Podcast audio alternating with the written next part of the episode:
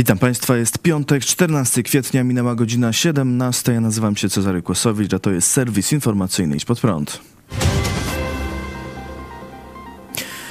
Skandaliczny atak chińskiej ambasady na premiera Polski. Ambasada komunistycznych Chin w Polsce wystosowała oświadczenie odnoszące się do wypowiedzi premiera Mateusza Morawieckiego podczas wizyty w Stanach Zjednoczonych.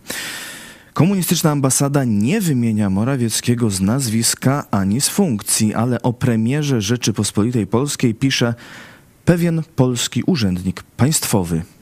W oświadczeniu przytoczono słowa premiera, który wczoraj mówił podczas spotkania z amerykańskim think tankiem Atlantic Council, że jeśli Ukraina przegra wojnę, to Chiny mogą zaatakować Tajwan. Chińska ambasada stwierdza, że Tajwan jest częścią Chin i, i sprzeciwia się porównywaniu sytuacji Tajwanu do Ukrainy. Wyraża silne niezadowolenie i zdecydowany sprzeciw. Oskarża polskiego premiera o polityczną manipulację. W oświadczeniu opublikowanym na stronie ambasady napisano: Wzywamy związanego z tą sprawą polskiego urzędnika do pełnego zrozumienia wysokiej wrażliwości kwestii Tajwanu, sumiennego przestrzegania zasady jednych Chin, zachowywania ostrożności w czynach i słowach dotyczących kwestii Tajwanu oraz unikania zakłócania relacji chińsko-polskich. A my posłuchajmy, co powiedział wczoraj premier Mateusz Morawiecki. Nie można dzisiaj i jutro ochronić Ukrainy, mówiąc, że Tajwan to nie jest nasza sprawa e, i że trzeba pamiętać, że trzeba wspierać Ukrainę, jeżeli chcemy, aby Tajwan pozostał niezależny. Jeżeli Ukraina zostanie podbita, następnego dnia Chiny mogą zaatakować Tajwan. Widzę tutaj bardzo duży związek, duże zależności pomiędzy sytuacją w Ukrainie a sytuacją w Tajwanie i Chinach. Tymczasem Tajwańczycy szykują się do obrony przed komunistycznymi Chinami, a pomagają im w tym Amerykanie. Przedstawiciele kilkudziesięciu firm ze Stanów Zjednoczonych działających w branży przemysłu obronnego mają polecieć na Tajwan, by rozmawiać o możliwościach współpracy dotyczącej produkcji dronów i amunicji. Amerykańskie firmy chciałyby przenieść do tego kraju część produkcji. Spodziewane jest też spotkanie delegacji z prezydent Tajwanu Tsai Ing-wen. Na czele delegacji ma stanąć emerytowany generał amerykańskiej piechoty morskiej Steven Rudder. Portal Nikkei Asia wskazuje, że będzie to największa od 2019 roku delegacja na Tajwan przedstawicieli branży obronnej Stanów Zjednoczonych. Portal cytuje też ważnego urzędnika amerykańskiej administracji. Z naszej perspektywy uważamy, że ustalenia dotyczące współprodukcji mają sens, ale musimy przyjrzeć się każdemu przypadkowi indywidualnie i musi ona zostać uruchomiona na wniosek amerykańskiego przemysłu. Geopolitycznym kontekstem amerykańsko-tajwańskich rozmów o rozwoju tego rodzaju współpracy są groźby komunistycznych Chin dotyczące siłowego przejęcia kontroli nad Tajwanem i niedawne manewry wojskowe, podczas których chińska armia po raz kolejny wielokrotnie naruszyła tajwańską przestrzeń powietrzną i ćwiczyła okrążanie Tajwanu. Minister Sprawiedliwości Zbigniew Ziobro ogłosił wczoraj powołanie zespołu śledczego do zbadania oszustw związanych z importem zboża z Ukrainy. Prokuratorzy mają działać w tych sprawach wspólnie z policją, służbami celnymi i skarbowymi oraz ABW. Nie ulega wątpliwości, że zjawisko ma poważny charakter, naraża na szwank polską suwerenność, polskie bezpieczeństwo w obszarze żywnościowym. Mamy obowiązek dbać o polskich wytwórców, polskich producentów.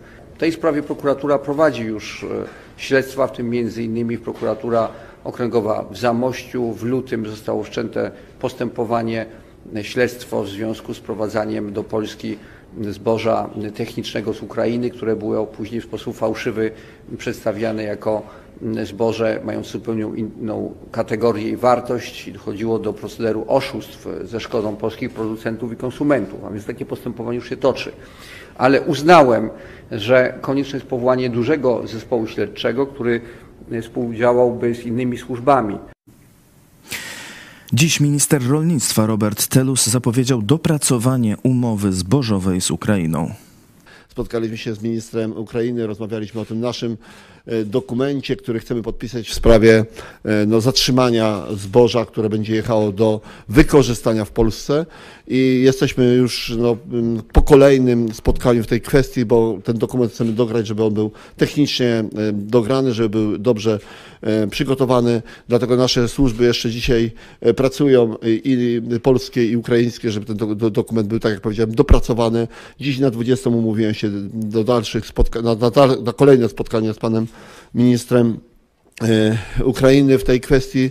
Jeżeli nam się uda e, dograć wszystkie sprawy dziś i jutro, czy może nawet pojutrze, to e, w poniedziałek dojdzie do spotkania i do podpisania tego dokumentu. Jeżeli będą jeszcze jakieś sprawy, które będą do, do grania, no to oczywiście musimy ten dokument dobrze dopracować. Dlatego, drodzy Państwo, spotkanie było bardzo dobre. Myślę, że, że przyniesie owoce i myślę, że dziś o 20 będziemy mieć jakby sprawę dopracowaną. Ale jeżeli się okaże, że nie, to będziemy pracować nad, tak nad tym, żeby zabezpieczyć Polskę, żeby do Polski nie przypływało zboże z Ukrainy, przynajmniej na ten okres, o którym mówimy, bo tutaj mówimy cały czas, ja zaproponowałem ten okres do 1 lipca. To dotyczy zboża, które w Polsce miało być wykorzystywane lub dotyczy to zboża, może inaczej można powiedzieć, które w Polsce miało być rozładowywane. My chcemy tranzyt dalej y, pozostawić, bo korytarze solidarnościowe, które są w Unii Europejskiej ogłoszone, one muszą działać i chcemy, żeby działały, bo oczywiście Ukrainie mamy pomóc, tylko chcemy tak pomóc Ukrainie, żeby to nie było kosztem naszego kraju. Sejm odrzucił wczoraj wniosek o wotum nieufności dla ministra edukacji i nauki Przemysława Czarnka. Za wotum nieufności dla ministra Czarnka głosowało 218 posłów z Koalicji Obywatelskiej, Lewicy, Koalicji Polskiej, Konfederacji, Polski 2050, Porozumienia i Koła Lewicy Demokratycznej oraz Koła Wolnościowcy. Przeciw wotum nieufności, czyli za pozostawieniem ministra Czarnka na stanowisku, głosowali posłowie PiS i Koła Polskie Sprawy, a także dwóch posłów Kukiz 15. Sam Paweł Kukiz wstrzymał się od głosu. Podczas dyskusji nad wnioskiem Przemysław Czarnek opowiedział o najważniejszych osobach w swoim życiu.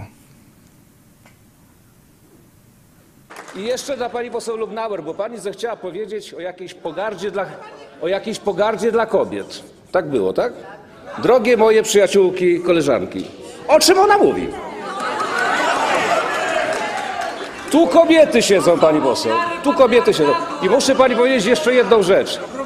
W moim życiu, w moim życiu są dwie osoby, dwie osoby, do których mam największy respekt, największy respekt, największy szacunek i dla których się najbardziej staram. Tak się składa, że obie są kobietami. Matka Boża i moja żona. Matka Boża i moja żona. Włoski rząd wprowadził we wtorek stan kryzysowy. Obowiązuje on na terytorium całego kraju i ma być utrzymany przez pół roku. Jest to reakcja władz na masowy napływ migrantów. Jesteśmy świadomi, jak poważne jest to zjawisko. Wzrosło o 300% w porównaniu z zeszłym rokiem, powiedział włoski minister do spraw obrony cywilnej i polityki morskiej Nello Musumeci. W świąteczny weekend do wybrzeża Włoch przybyło około 3000 migrantów. Decyzja o wprowadzeniu stanu kryzysowego ma m.in. ułatwić odsyłanie z kraju migrantów, którzy nie są uprawnieni do przebywania na terenie Włoch.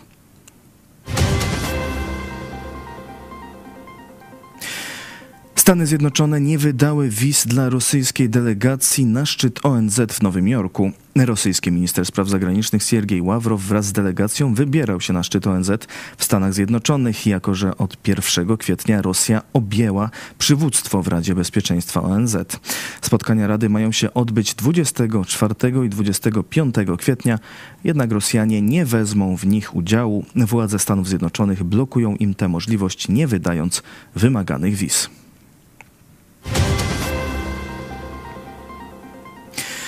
Pastorzy protestanccy z całej Polski przyjechali wczoraj do Lublina na proces pastora Pawła Chojeckiego. To spotkanie dało też okazję, by porozmawiać o przyszłości Polski. Dziś Widź pod prąd na żywo pastor Paweł Chojecki rozmawiał z misjonarzem pastorem Krzysztofem Kołtem i byłym księdzem Jerzym, obecnie pastorem Kościoła Domowego. No niestety te właśnie e, komunistyczne korzenie gdzieś w narodzie polskim nadal tkwią. E, no, trzeba powiedzieć, że jest małe zrozumienie wolności w naszym kraju. E, I mam nadzieję, że właśnie ten proces pokaże, że jednak my walczymy tutaj o ważne rzeczy.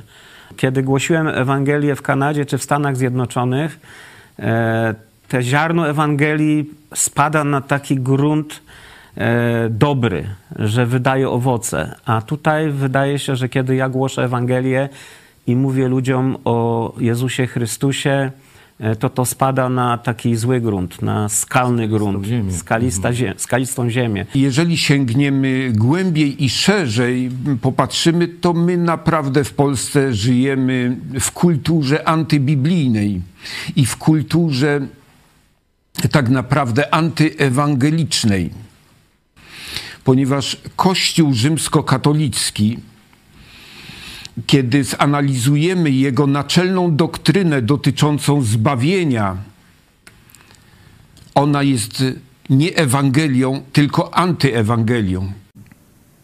Zachęcam Państwa do obejrzenia całego tego programu na naszym YouTube.